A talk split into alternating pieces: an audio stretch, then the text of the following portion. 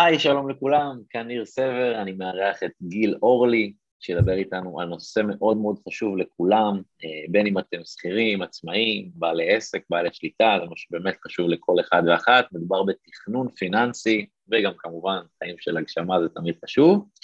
אז גיל הוא אה, מנטור להצלחה כלכלית והמפתח של תוכנית סוד הכסף ליצירת ביטחון, וחופש כלכלי, אה, באמת דרך לדעתי אלפי אנשים, עוסק בתחום המון המון זמן, יש לו אינפוטים אה, מאוד חשובים, אז אה, נשמח לשמוע מה, מה אתה רוצה אולי לספר קצת על עצמך, או מאיזה כיוון כדאי לנו להיכנס לנושא הזה.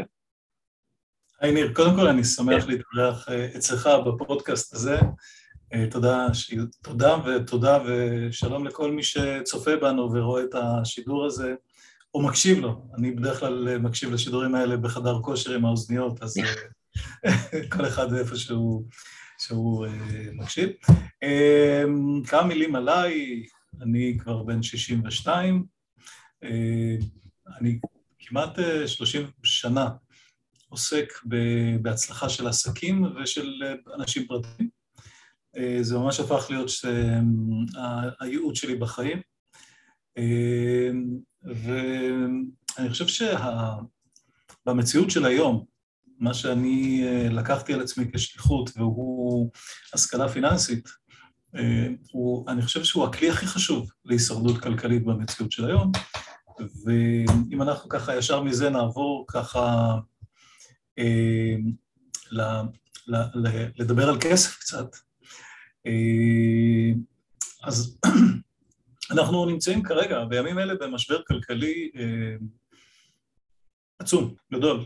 אה, ואני אומר את זה בפתיחת הדברים, כי כקואוצ'ר שמלמד אנשים הרבה מאוד זמן, אני חושב שהדבר הכי חשוב לאנשים להתמודד עם סיטואציה בחיים, וזה לאו דווקא עם כסף, זה קודם כל להכיר בזה שיש משבר. אה, ולהגיד, משבר, אני במשבר... משבר אצלי, או משבר המדינה, או משבר בעולם? המשבר הכלכלי ישפיע ומשפיע, והיא ישפיע על כיס של כל אחד מאיתנו, על רמת החיים, על איכות החיים, על התעסוקה שלנו, על מחירי הדירות.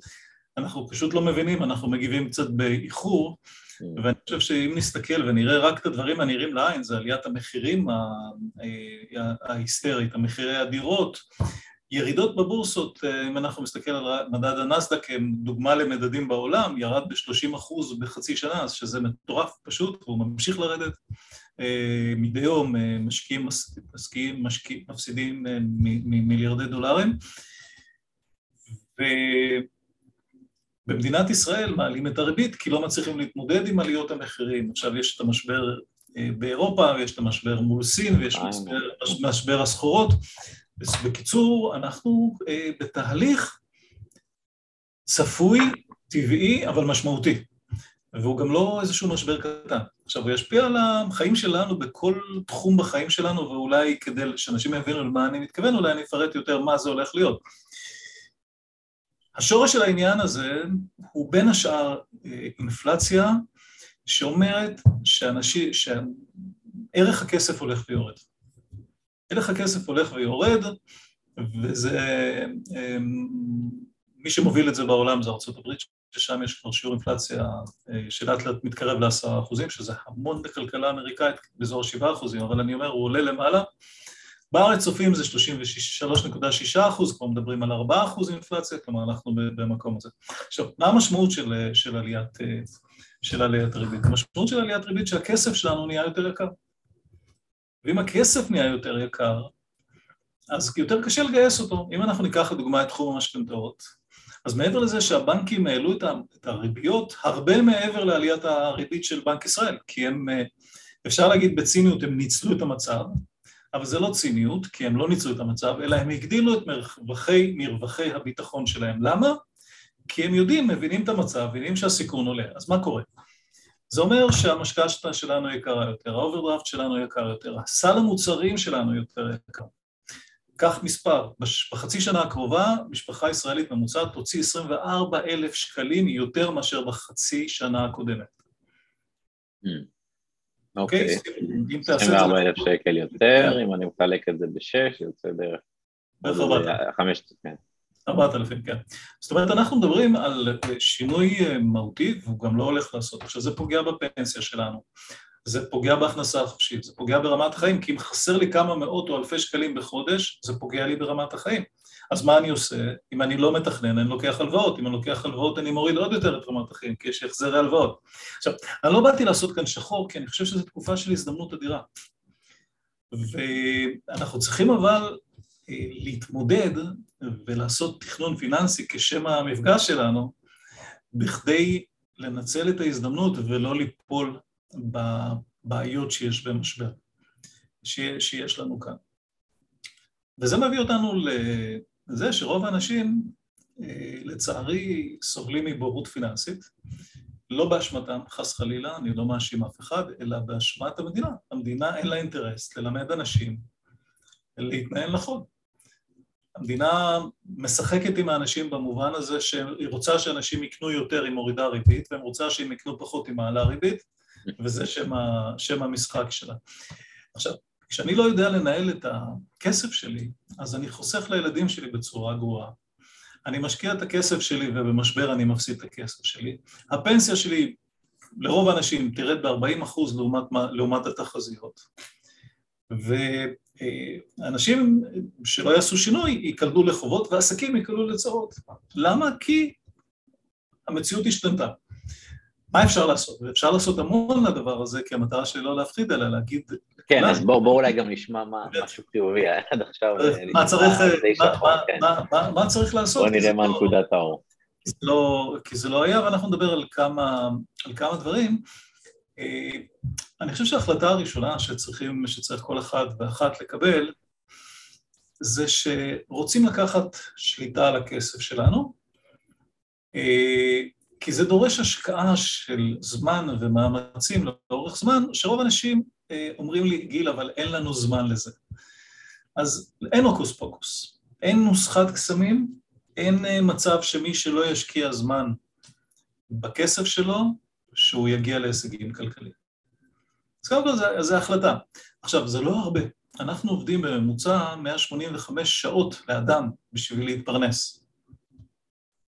אוקיי, מחקרים אוקיי. מראים משרה מלאה, 180, בשש שעות. תשע שעות כפול אה, שעות ימי עבודה. אז זה לא משנה אם זה 170 או 220, אבל זה האזור של מה שאנחנו עובדים. קח שני בני זוג שעובדים, עובדים 300, 400 שעות בחודש. המחקרים מלמדים, וזה מחקרים מדעיים, שאדם שישקיע חמישה אחוז מזמן העבודה שלו בניהול הכסף שלו, יתעשר. אני אחזור. אומרים שבן אדם שחוסך כל חודש חמישה אחוז משקיע. חמישה אחוז זה לא מספיק, אבל לגבי... סתם אני נותן דוגמה, אוקיי. זה, זה זמן, זאת אומרת, אם אנחנו נכמת את זה, זה לא הרבה, זה שעות בודדות בחודש. אבל אם אנחנו כל הזמן, וזה החינוך הלקוי שקיבלנו, שאנחנו למדנו שכל מה שאנחנו צריכים זה לעבוד הרבה, לשלם מיסים, לשרת בצבא, והכל יהיה בסדר. והתשובה היא לא, זה לא מה שיקרה. אז זה אומר שאני קודם כל מוכן לקבל על עצמי שאני עכשיו באופן שוטף, בחיים שלי, נגיד שעה בשבוע משקיע לכסף שלי. מה צריך לעשות בשעה הזו? או, מעולה. אז זה לא מובן מאליו ש- שאנשים ישקיעו את השעה הזאת, בהנחה שאנשים כן ישקיעו את השעה הזאת, כי זה, לאנשים אין זמן בחיים. אין זמן. אין זמן לעשות ספורט, אין זמן לתזונה, אין זמן לשום דבר. בואו נסתכל רגע, דוגמה למישהו שאין לו זמן, שים לב מה הדבר הראשון שקורה לראש ממשלה במדינת ישראל. הבחנת בזה? שיער לבן? הוא משמין. אה, אוקיי. למה הוא משמין? כי אין לו זמן לתזונה טובה. אוקיי. הוא, הוא, הוא, הוא, כל הזמן, הוא כל הזמן רץ אחרי אירועים, בסדר? אוקיי. אז אותו דבר שאין לנו זמן, קורים לנו דברים לא טובים בחיים, והשם המשחק זה לאזן את החיים שלנו ולתעדף אותם. כך לדוגמה, אה, אני בחיים שלי, אה, נושא של ספורט הוא מאסט. אוקיי? אז אני מתעדף את זה, ודבר ראשון שאני עושה בבוקר אחרי התפילה זה לעשות ספורט. אוקיי? לא הרבה, אבל לעשות ספורט. למה? כי אני יודע שאלמלא זה, כל שאר תחומי החיים שלי ייפגעו. עכשיו, זו דוגמה, ובעניין הכסף, זה אומר שאם אנחנו לא עכשיו נגדיר לעצמנו, נאמר, יום שישי, שעה על הכסף שלי, זהו. עכשיו, מה עושים? אני אתן לכם כמה ממש מרשם מה עושים, דבר אחרי דבר, אבל זה מותנה בזה שאתם שעה בשבוע משקיעים בכסף שלכם, ואני מבטיח לכם שמי שיעשה את זה חופש כלכלי בעשר, בעשור הקרוב או קודם. זה, זה התמורה. אולי עוד דוגמה אחת להמחיש לכם, גם אם תכפילו את השכר שלכם לפי המחקרים לא תגיעו לחופש כלכלי. אם תשקיעו שעה בשבוע כן תגיעו. אוקיי? אז מה צריך לעשות? זה כמו לעשות עוד ממה שלא עובד, אם אדם מכניס עשר בחודש ומביא אותם, זה לא יעזור לו מכניס עשרים בחודש ומסביר אותם, הוא עושה כאילו. בדיוק, אתה צודק, אתה צודק לגמרי, זה בדיוק העניין, כלומר, אנחנו אה, בחברה שמעודדת צריכה. ואנחנו לומדים את הילדים שלנו לצרוך, ואנחנו מלמדים אה, מתי אנחנו הורים טובים, שקונים לילדים מה שהם רוצים, מתי הילדים שלנו מצליחים, כשההורים שלהם תכונים, והם הולכים לבית ספר וההורים שלהם תכונים, זאת אומרת, המודל של ההצלחה שלנו הוא בזבוז כסף. בסדר? ואז בואו נתחיל. אז דבר ראשון זה אמרנו זמן. הדבר השני, בתוך הזמן הזה, זה להגדיר יעדים ולהיות ברור איתם. דברים לא קורים אם אני לא רוצה שהם יקרו. כלומר, אחד הדברים שאני שואל, ואני נפגש עם המון אנשים, בין בסדנאות ובעבר, בכמה פגישות ביום, אני שואל אותם, תגידו, מה היעד הכלכלי שלכם? ומסתכלים שני בני הזוג אחד על השני ואומרים, מה באמת? עכשיו, יעד כלכלי צריך להיות ברור. הוא צריך להיות ברור והוא מחולק לשני חלקים, ואני עכשיו אעזור לכל מי שמאזין כאן להגדיר יעד נכון. היעד הראשון הוא לא קשור לכסף, אלא בא ואומר, אם לא הייתה לי מגבלה של כסף. אין לי מגבלה של כסף. בעוד עשר שנים מהיום, איך הייתי רוצה שיראו החיים שלי, שאין לי מגבלה של כסף. במה הייתי עוסק? מה הייעוד שלי בחיים? איך אני רואה את המשפחה שלי? איך אני רואה את הפנאי שלי? איך אני רואה את העבודה שלי? מה הייתי רוצה לעשות שאין לי אילוצים של כסף? והשאלה השנייה, אחרי שאני מצייר לעצמי, ואני מקווה שכל אחד כאן מסוגל לצייר לעצמו את זה, זה להכניס לזה עוצמה ולשאול, למה בעצם אין לי ברירה אלא לעמוד, להגשים את החלום הזה? עכשיו, שאלה קשה. מה פתאום אין לי ברירה? יש לי ברירה, אני יכול לחיות כמו היום, לא. אנחנו צריכים לזכור שאנחנו חיים פעם אחת. אמר את זה אילן רמון, החיים הם לא חזרה גנרלית. ואני לא יכול להרשות לעצמי את העשור הקרוב לא לחיות כמו שאני רוצה. זה המהות של החיים, לחיות את מה שאני רוצה. וברגע שהגדרתי לעצמי יעד לעשר שנים, ואני ברור לי, השאלה המשלימה היא, כמה כסף אני צריך בשביל זה? עכשיו, אני לא מדבר על פנטזיות. אני מדבר להיות חופשי מאילוצי הכסף. מה זאת אומרת? לא מדבר על עשרות אלפי שקלים לחודש. אני מדבר על המינימום שנדרש, שאני אוכל לעשות מה שאני רוצה. בדרך כלל, אגב, זה חצי מרמת החיים שיש לכם כרגע. זה לא כל רמת החיים. לא צריך להתחיל לחשוב על הכנסה של 80 אלף שקל לחודש. אני, אני, אין לי בעיה עם זה, רק זה יהרוס לכם את החלום. תלכו על יעד מינימלי, אני מבטיח לכם שתגיעו אליו, אתם תוכלו להכפיל ולשלש ולרבה אותם, כי אתם לא תהיו מוגבלים, הזמן יהיה בידיים שלכם. אבל לפחות השחרור הראשון מהכבלים האלה של זמן שווה כסף, חייב להיות ביעד שהוא בר השגה, ואתם אה, יכולים לעשות את זה. אז נניח שרמת החיים שלכם 20 אלף שקל, אני מניח, וזה שוב, זה לא מדע מדויק, צריך לבדוק את זה, שעשרת אלפים יספיקו לכם לשלם את ההוצאות ההכרחיות, לא בילויים, לא בגדים, אבל לפחות אם יהיה לכם עשרת אלפים שקל הכנסה פסיבית, כלומר מנכסים בלי עבודה, אתם לא תצטרכו לדאוג אם יפטרו אתכם, אתם לא תצטרכו לדאוג ולעבוד בעבודה שאתם שונאים, אלא תעבדו בעבודה שאתם רוצים, כי אתם יודעים שאתם לא חייבים את הכסף, והכסף הוא רק לכיף שבחיים. זהו, אני לא אמרתי שתפרשו מהעבודה, זה לא חופש כלכלי מלא, זה חופש לעשות מה שאני רוצה, וזו הדרגה שאני ממליץ עליה בהתחלה. ועכשיו, נורא פשוט, עשר שנים זה שלושים יחידות של מאה ימים ועוד קצת, ועוד חופשות וכאלה. זה אומר שעכשיו אני מתחיל להגדיר לעצמי יעד קצר טווח, מה אני הולך לעשות במאה הימים הקרובים. זה לא, ההתקדמות שלי היא לא ליניארית, זה לא משנה מה היעד שלי, העיקר שהוא יהיה יעד שהוא בכיוון הזה, כי כל פעם שאני משיג יעד כזה, אני יכול להגדיל את ההכנסה. אני אתן לכם דוגמאות של יעדים שמקדמים אותנו, בסדר? לייצר אפיק הכנסה נוסף. אנחנו יודעים היום שביטחון כלכלי לא מושג מהכנסה אחת. עכשיו, אני מדבר הרבה פעמים עם אה, בעלי עסקים, אומרים לי, אבל אה, אנחנו, יש לי עסק שמייצר מוצר אחד, אני תמיד שואל, אומר להם, בעסק שלך תייצר עוד אפיק הכנסה. לפחות שיהיו לך עוד אחד. שאם קורה קורונה, ההכנסה שלך תימשך. אוקיי? עוד אפיק הכנסה אחת. זה יכול להיות נכס, להגיע לנכס במאה ימים. נכס זה כל דבר שיוצר לי הכנסה. זה, זה גם נדל"ן, אבל זה גם אה, תיק מושקע בשוק ההון. ונכס יכול להיות גם נכס דיגיטלי כלשהו. אה, יש לא מעט סוגים של נכסים, אפילו לוח פרסום בבעלותכם זה נכס, מכונת משקאות אוטומטיות זה נכס. בסדר, יש הרבה מאוד סוגים של נכסים, כל אחד זה פרויקט, זה פרויקט של מאה ימים. אוקיי? אז ברגע שיש לנו את היחידות האלה, אנחנו יכולים לעשות אותן, וכאן, מאותו רגע, במשך מאה ימים שבחרתי לעצמי את היעד, אני ממוקד. ואז אתם תגלו דבר מאוד מאוד מעניין, שאתם מהר מאוד תגיעו למקום שאתם תקועים. תמיד אנחנו נתקעים על מה שנקרא משאבים. או אין לכם זמן, או אין לכם ידע, או אין לכם כסף.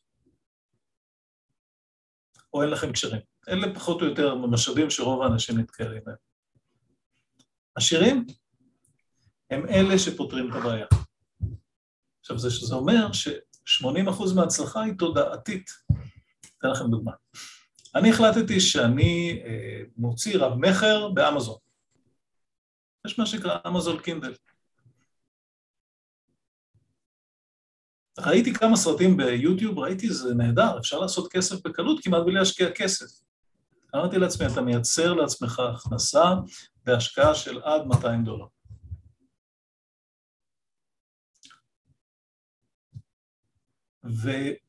ונתקלתי באינסוף קשיים. קודם כל, זה אנגלית. האנגלית שלי טובה, אבל היא לא שפת אם.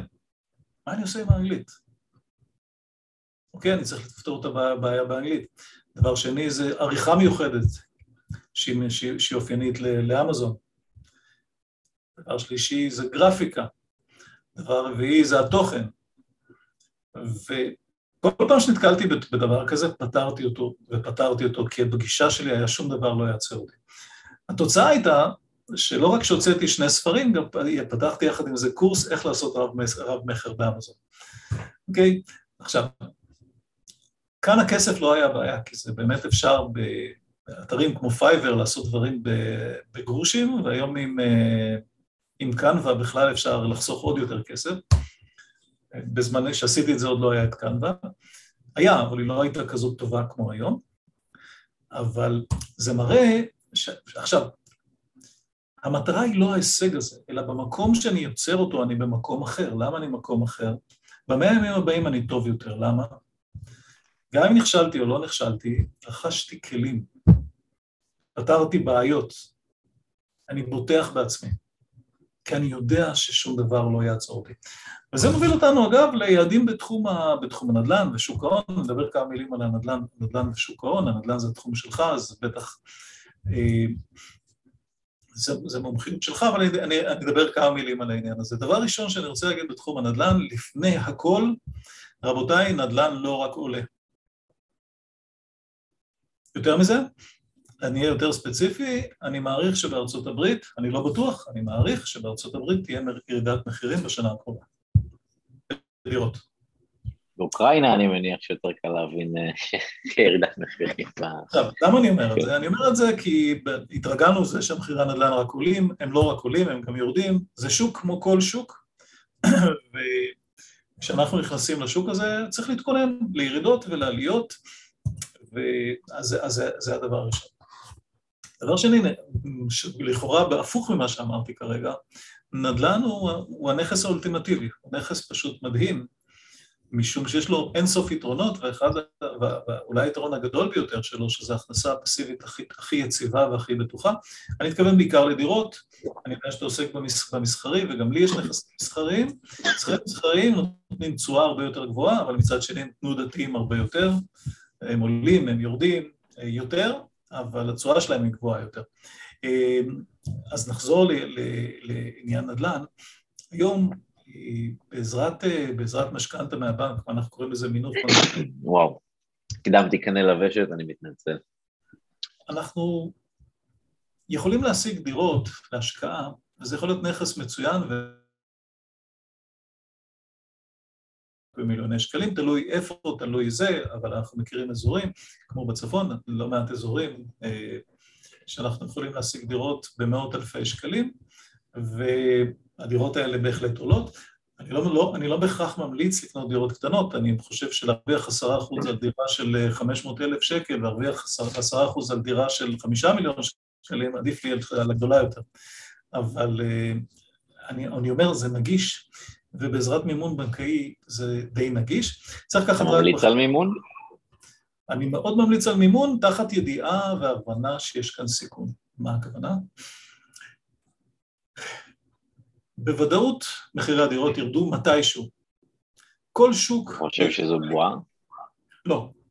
כל שוק יש בו התנהגות טבעית של שוק, שוק ההון, שוק הנדל"ן, היא שיש תקופה של שגשוג ואחר כך משבר שנמשך כמה שנים ואחר כך שוב שגשוג, זאת אומרת הגרף לא עולה בקו ישר, אלא הוא עולה, יורד, עולה, יורד, זה טבעי כן, השאלה היא בלונג טרם, העליות מינוס הירידות. השאלה מה זה לונג טרם.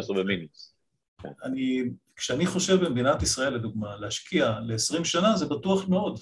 כן. כי ב-20 שנה אנחנו נגיע לקצב גידול אוכלוסין כזה שהמחירים בוודאי יעלו.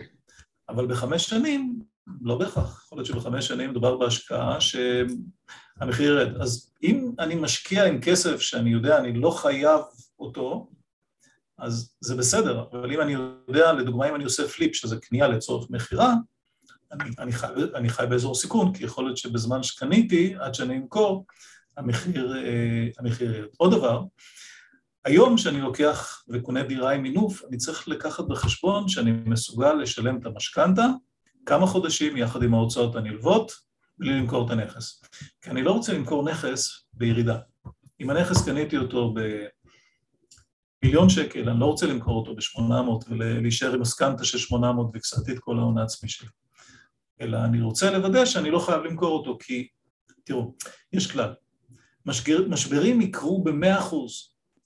אנחנו לא יודעים מתי וכמה זמן זה יימשך. אנחנו אבל גם יודעים במאה אחוז שמשברים יסתיימו. בסדר? אנחנו שוב לא יודעים רק מתי. ואם אני כמשקיע חכם ערוך לזה, אז כן, אני מאוד בעד, אני מאוד בעד מינוף. שוב, אה, צריך להיות אה, זהירים במינוף, כי יש מינופים, לדוגמה, שאני יכול להפסיד את כל כספי, וצריך לקחת את זה בחשבון, בעיקר בעסקאות שלא של קניית דירה פשוטה. אה, לדוגמה, אם אני מממן ליזם קנייה של פרויקט, וזה ההון העצמי, אז בהחלט אני יכול לאבד את הכסף. אם, אם, אם, זה ברור. זאת אומרת, לדוגמה, יש קבלן, נגיד קבלן, שהבנק אומר לו, תשמע, בפרויקט הזה של עשרה מיליון שקל, תביא הון עצמי שלושה מיליון שקל, הקבלן אומר, אין לי כסף, אבל הוא אומר לי, גיל, שמע, תן לי שלושה מיליון שקל, אני אתן לך עשרה אחוז, עשרים אחוז. לקבלן זה משתלם וגם לי זה משתלם. אבל... אם הכל הולך טוב. אם, אם המחירים יורדים ב-30 אחוז, איבדתי את כספי. כי הוא יישאר רק עם חוב לבנק, והבנק תמיד תמיד הוא קודם לי בהחזר חובות. אוקיי, אז יש, אנחנו צריכים להיזהר מהדברים האלה, ולכן אני צריך לדעת, תמיד בכל עסקה יש סיכון, מה הסיכון, והאם אני יכול לחיות עם הסיכון. זאת אומרת, לא כל עסקה טובה לכל אחד. בואו נדבר רגע על שוק ההון, שהוא לא פחות חשוב כרגע, אני חושב שבשוק ההון כרגע יש הזדמנויות, עוד מעט בנדל"ן יהיו, אבל כרגע במיידי יש הזדמנויות. מדבר על שוק ההון הישראלי, האמריקאי, האירופאי. היום, אין דבר כזה ישראלי. ישראלי, זה נכון, אני מדבר על ישראל והעולם ביחד, אבל זה גם על ישראלי וגם על העולם, משום ש... לא, יש לך את המדד של ה-S&P נגיד בארצות הברית, יש לך את תל אביב 50, אז מדדים. לגמרי, וגם ההבחנה היא צודקת לגמרי, אבל אני אומר, אנחנו מושפעים מאוד מתהליכים עולמיים, אנחנו לא בועה, אי אפשר. תחשוב רגע, אנחנו, הכלכלה שלנו מבוססת הרבה על הייטק, הייטק זה בינלאומי, בסדר? אנחנו מאוד עסוקים, מושפעים מאלטרנטיבות, כי, כי המשקיעים היום יכולים להשקיע בישראל ובקנדה באותה מידה, באותו זמן, באותה זמינות. זאת אומרת, זה שוק גלובלי, אין מה לעשות. נכון, אנחנו אי של יציבות דווקא בתוך העולם, יחסית. אוקיי, יש הרבה דברים טובים במדינת ישראל, שלא נקלקל אותם חס חלילה בגלל עוד בחירות אה, כמו שמתכננים לנו, וזה בדיוק הדרך לזה, בלי, לס... בלי לדבר על אני בעד הממשלה או לא הממשלה, אני בטח נגד בחירות, ואני חושב שמי ש... שמושך לבחירות לא מבין כמה זה יפגע לו בכיס וברמת החיים, וכשהוא יגיד, אני רוצה שהממשלה תיפול, אז הוא בוחר גם לא לנסוע לחו"ל ולקנות פחות במכולת. אני חושב שאנשים לא מבינים את זה. וזה המשמעות של הבחירות. אה, יציבות פוליטית ללא קשר למי בשלטון היא נהדרת לכלכלה. Mm. ואני מקווה שנזכה לזה, ובאמת, בלי קשר לדעה פוליטית כזאת או אחרת, אה, חשוב, חשוב לחזור. נדבר רגע על שוק ההון. שוק ההון, כרגע בעולם וגם בישראל מתחילים להיווצר הזדמנויות. המחירים יורדים. האם אנחנו נמצאים בתחתית המשבר? לא. יהיו עוד ירידות. האם אנחנו יודעים מתי תיפסקנה הירידות? לא.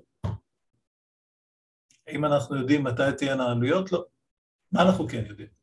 אנחנו כן יודעים שיש ירידות, הן יימשכו לאורך זמן, ובסופם תהיה צמיחה מואצת. ככה זה בכלכלה. הפרק זמן בין הירידה לעלייה לא ידוע. עכשיו, למשקיעים שיש להם אורך נשימה, אתה רואה מה אכפת לי אם זה יקרה בעוד שנה או בחמש שנים. אני, יש לי את הסבלנות.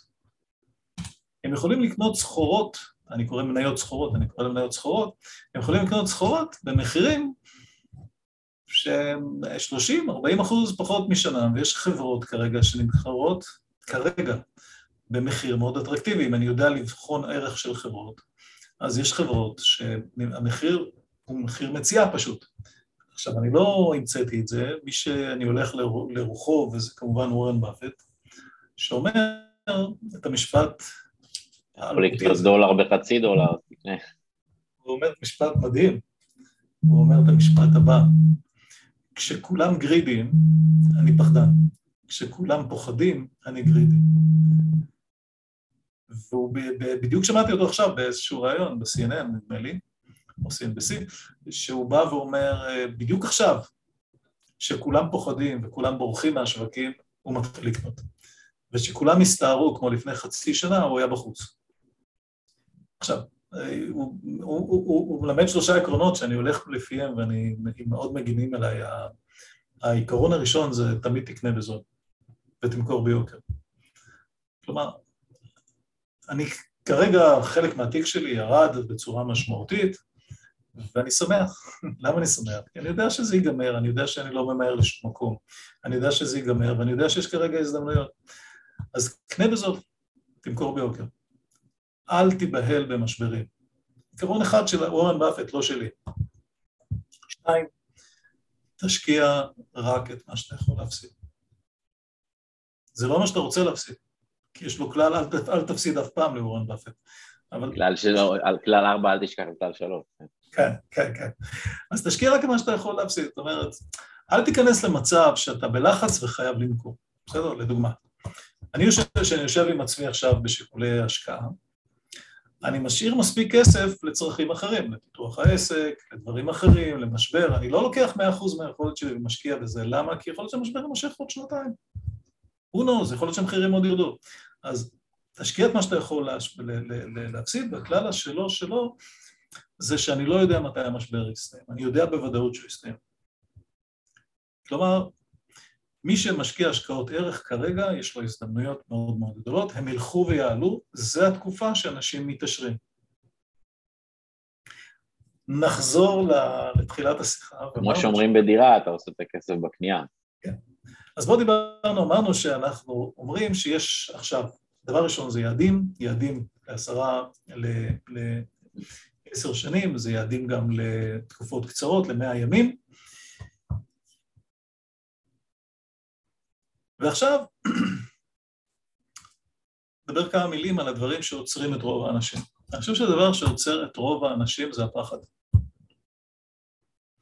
אני מלווה אנשים בסוד הכסף, שזו תוכנית שהיא בנויה מהימים בדיוק לפי הרעיון הזה, שבמאה ימים להגיע להישג יוצא מן הכלל, כי אם אתה מגיע במאה ימים להישג יוצא מן הכלל, אתה כבר יכול לשכפל את זה ולהמשיך עוד ועוד ועוד ולהגיע לאותו חופש כלכלי. אז פיתחתי את התוכנית הזאת במיוחד.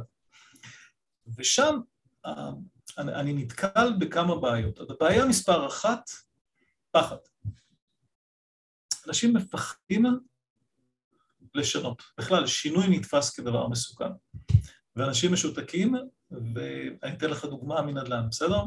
מישהו אני חושב שאנשים בכל דבר בחיים, גם בדיאטה או גם בלעבור בית ספר, אני חושב שהם פוחדים בכל תחום, לא רק בכלל. אני אתן לך דוגמה, תראה, אני מלמד אה, בקורס נדל"ן ברמה גבוהה, זה נותן לעצמי ציון. ובסוף הזה אני מבקש מהם ואומר להם, תלכו לשטח אם זה היעד שלכם. עכשיו, בא אליהם מישהו, וזה אופייני לכן אני אספר עליו, ואומר לי, שמע גיל, אנחנו עושים אה, פגישות שנקראות mastermind, כלומר, אנשים מספרים לי את הבעיה, כולם שומעים, ואני עוזר לו לפתור אותה, ואז כולם לומדים מהבעיה שלו. אז היה ב mastermind, הוא בא ואומר לי, שמע גיל, אני תקוע בנדל"ן. שאלתי אותו, אתה רוצה, מה אתה רוצה? הוא אמר, אני רוצה דירה, אני יודע איפה, אני רוצה דירה, אבל אני מפחד מכמה דברים. אחד, מה יהיה אם יסדרו אותי? שתיים, מה יקרה אם אני לא יודע לבדוק? שלוש, מה יקרה עם מחירי הדירות? ארבע, איך אני יודע שזה בכלל משתלם? עכשיו, אמרתי לו, תגיד, כמה דירות ראית עד עכשיו? אז הוא אמר לי, אף אחת. ואז אמרתי לו, תשמע, אתה אלוף העולם ואתה משחק בין שתי האוזניים שלך, זה מגרש המשחקים שלך. ושם אתה משחק עם פחדים וחששות. בוא אני אתן לך פתרון, ואתה תצליח בו בוודאות. הוא שאל אותי מה, אמרתי לו, אבל אתה חייב להבטיח לי שתעשה. הוא אמר לי, אני אעשה. אמרתי לו, אני אוסר עליך לקנות דירה. אבל אני מבקש ממך שאתה תלך עכשיו, תראה עשר דירות ותספר לי עליהן. אבל אף אחת מהן אסור לך לקנות. אחרי הדירה השישית הוא אומר לי, גיל, אתה מרשה לי לקנות? מה קרה? פשוט ירד לשטח. וככל שהוא צבר ניסיון, הפחד נעלם. זה לא שאין סיכונים ואין דברים ולא צריך להיות זהיר. וכאן אני רוצה להגיד לכם משפט שאני תובע אותו, טבעתי אותו בסוד הכסף כל הזמן. פחד הוא דבר נהדר. יש שני סוגים של פחד. פחד עוצר ופחד יועץ. פחד יועץ מונע מאיתנו, עוצר, מונע מאיתנו לעשות, ואנחנו תמיד בתחושה שאנחנו לא יודעים מספיק, אנחנו לא מספיק טובים, אנחנו לא יכולים לעשות. פחד יועץ גורם לנו להיזהר ולבדוק שבע פעמים לפני שאנחנו עושים, אבל אנחנו נעשה את זה אחרי הבדיקות. זה ההבדל. תשאלו את עצמכם האם הפחד שלכם הוא יועץ או עוצר. אם הפחד שלכם עוצר, אתם תקועים בחיים. כי הרבה יותר מסוכן לא להשקיע מאשר להשקיע. אנשים צריכים להבין את זה. כי במציאות של שחיקת פנסיה של 40 אחוז וחוסר יציבות תעסוקתית ורפואה מתייקרת, מי שבונה את עצמו רק על פנסיה ועבודה, אין לו סיכוי לחיות בכבוד כל חייו. הוא בסכנה של 100 אחוז. מקצועות משתנים, ועוד לא הכנסנו לזה את העולם המשתנה. תראו, אנחנו היום בעולם שאינטליגנציה מלאכותית, מה שנקרא ביג דאטה, שמשפיעה על הרבה תחומים כמו רובוטיקה, אוטומציה, משנה את העולם. מקצועות נעלמים, משתנים, נוצרות הזדמנויות חדשות. במציאות הזאת אני בהחלט בסכנה כלכלית. וכדי להקטין את זה, כל פועל לא חייב רכב, חייב נכס. ולכן כשאני יושב ועושה לעצמי תכנון פיננסי לחיים, אני צריך להסתכל ולחשוב רגע קדימה, ויצא לי השבוע לשבת אה, עם אחד מקרובי המשפחה שלי, בחור צעיר, שכמובן חי את הרגע כמו כל הצעירים. והוא באוברדרפט כמו כל הצעירים, כמו חלק מהצעירים. והוא מציב וחי את החיים הטובים, והשיעור של מי לימדתי אותו, שכשהוא מרוויח שקל, חצי שקל לא שייך לו. הוא שייך לתכנון שלו. ואם הוא יעשה את מה שאני אומר לו, אז הוא יגיע להישגים כלכליים חסרי תקדים. וזה מוביל אותנו לעוד דבר. כל אדם חייב לדעת להשקיע את כספו. זה נראה מסובך, אבל זה פשוט. לא יכול להיות שאני אחסוך לילד שלי יחד עם הביטוח לאומי, ואני לא מבין מה אני עושה. ההפרש לילדים, לארבעה ילדים, שאני חוסך להם יחד עם הביטוח לאומי, את הסכומים המינימליים, הוא עשוי להגיע ל-200 עד 300 אלף שקלים. אני יודע לנהל את הכסף שלי או לא יודע לנהל את הכסף שלי? זה לא אומר שאני מנהל אותו בעצמי, אבל אני חייב להבין איך לנהל את הכסף שלי. ולכן השכלה פיננסית היא, לא אני אמרתי את זה, ה-OECD, ארגון המדינות המפותחות אמר, השכלה פיננסית היא צורך קיומי במדינה מודרנית. עכשיו, אם אני לא יודע לנהל את הפנסיה שלי, האדם הממוצע יפסיד 400 אלף שקל על הפנסיה שלו. סכומים אדירים. אין מצב שאדם סביר לא ייקח אחריות על העניין הזה. זה לא תורה מסיני, אני מלמד את כל ההשכלה הפיננסית ב... בשמונה שבועות. כל מה שצריך לדעת. אה, זה לא איזושהי תורה מסיני, אבל לא מלמדים את זה בשום מקום, ואז אני מקבל החלטות, לפי מה?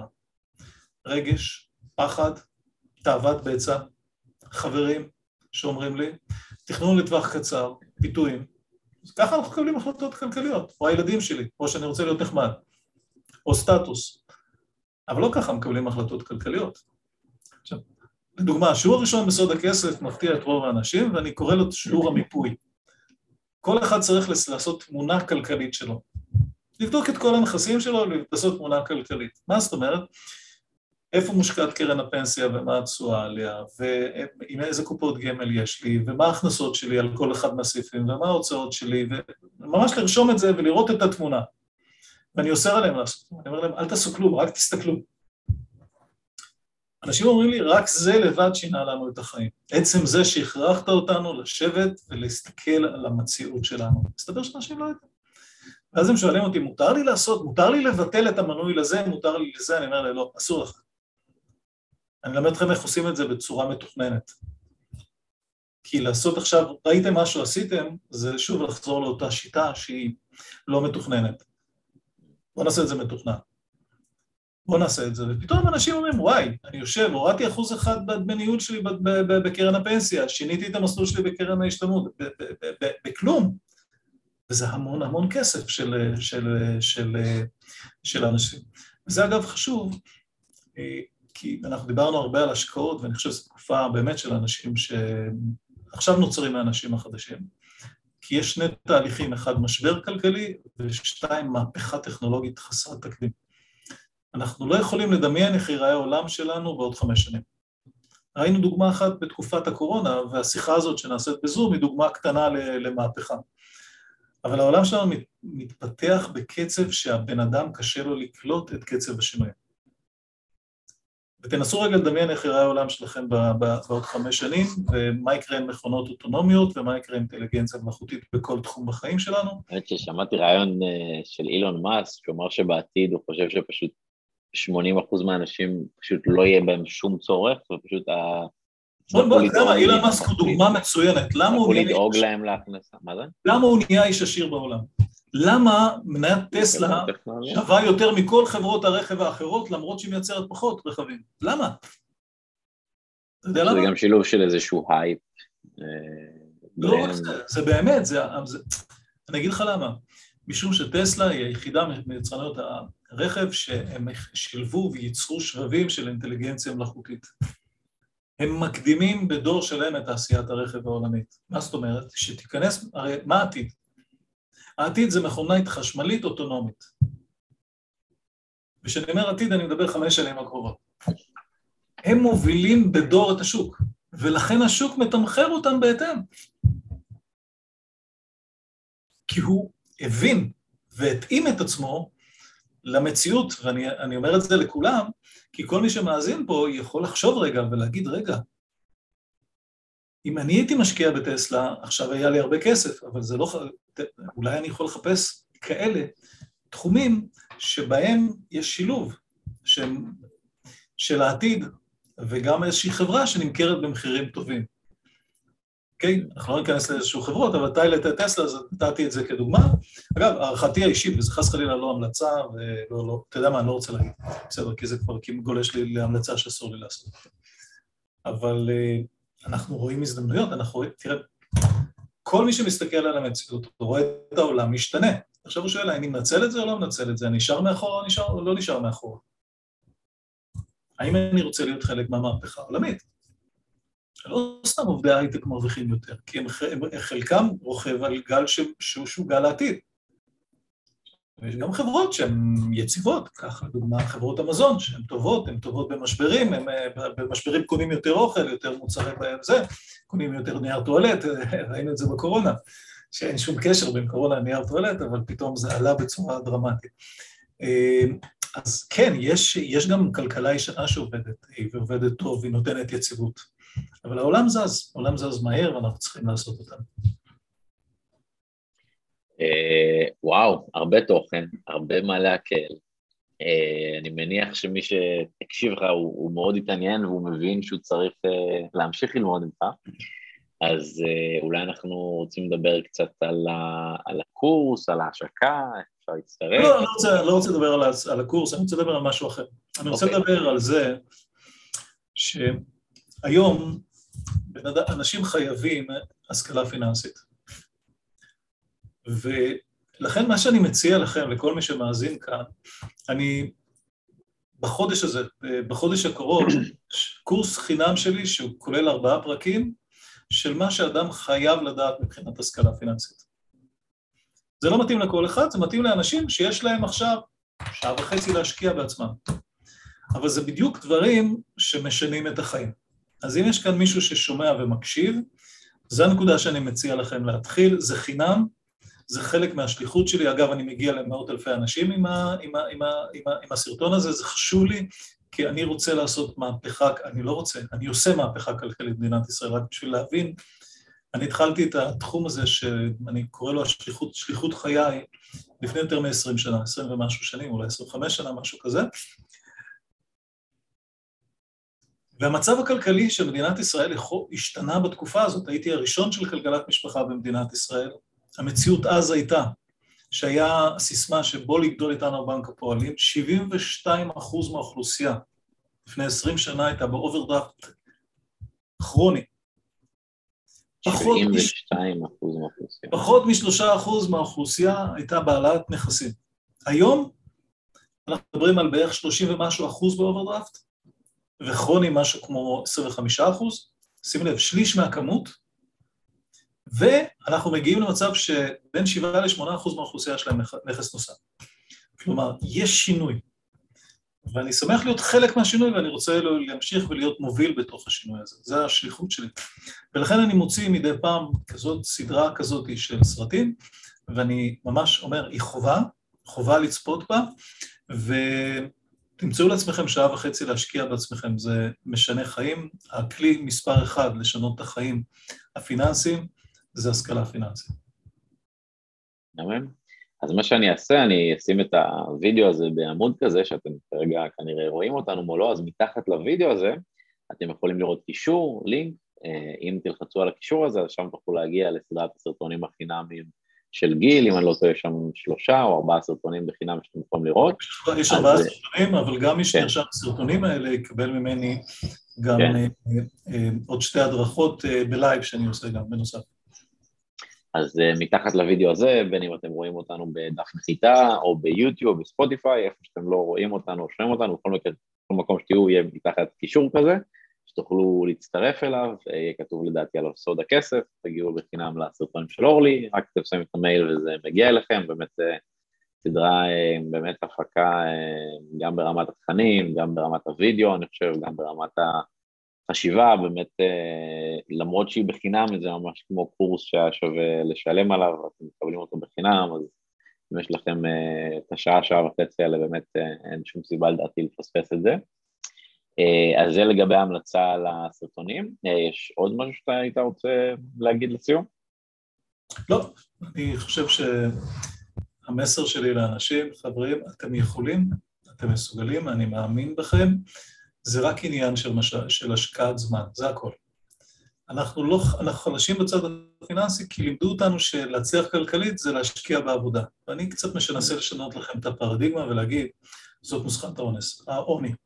נוסחת העוני שמלמדים אותנו היא כזאתי, תלמד הרבה, תמצא מקום עבודה טוב, תעבוד הרבה ותהיה מסודר. היא לא עובדת, היא פשטה רגל, היא מתאימה למאה ה-20, היא מתאימה לסבא וסבתא שלנו. בסדר, כאן ההבנה שלי, אולי זה אני גם בדור הזה. אבל היא לא מתאימה להיום. היום בעידן שאין יציבות כלכלית, שהדברים משתנים כל כך מהר, אנחנו חייבים לחשוב אחרת.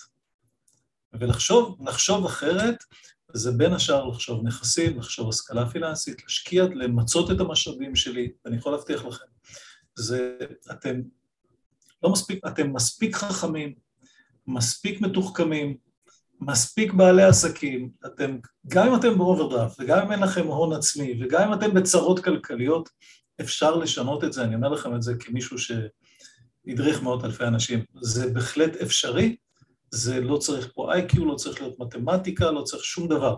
צריך פשוט, כמו כל דבר אחר, להשקיע מעט מעט משאבים. תחשבו רגע על התחום שאתם עובדים בו, כמה אתם משקעתם בשביל להגיע לרמת הכישורים שלכם. להגיע להצלחה פיננסית, צריך עשירית או מאית מההשקעה הזאת, זה הכל. פשוט לשים את זה באג'נדה שלכם, זה הכל.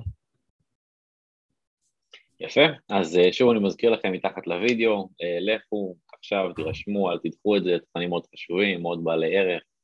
אה, תודה לך גיל על הזמן, על הטיפים, על החלוקה לקהל, ואני מקווה שהווידאו והמסר שלך יגיע לכמה שיותר אנשים. תודה, תודה על ההזדמנות, אני חושב שנתת לי הזדמנות להגיד דברים שהם יושבים לי על הלב. בכיף בכיף, אז אנחנו, מי ששומע אותנו יכולים להירשם, וגם אותי אם אתם רוצים לראות בפרק הבא, אתם יכולים ביוטיוב, בספוטיפיי לחפש ניר סבר, להירשם, ונמשיך לתת לכם ערך בעוד פרקים. זהו לבינתיים, אנחנו נתראה בהמשך. Bye. Bye bye. Bye bye.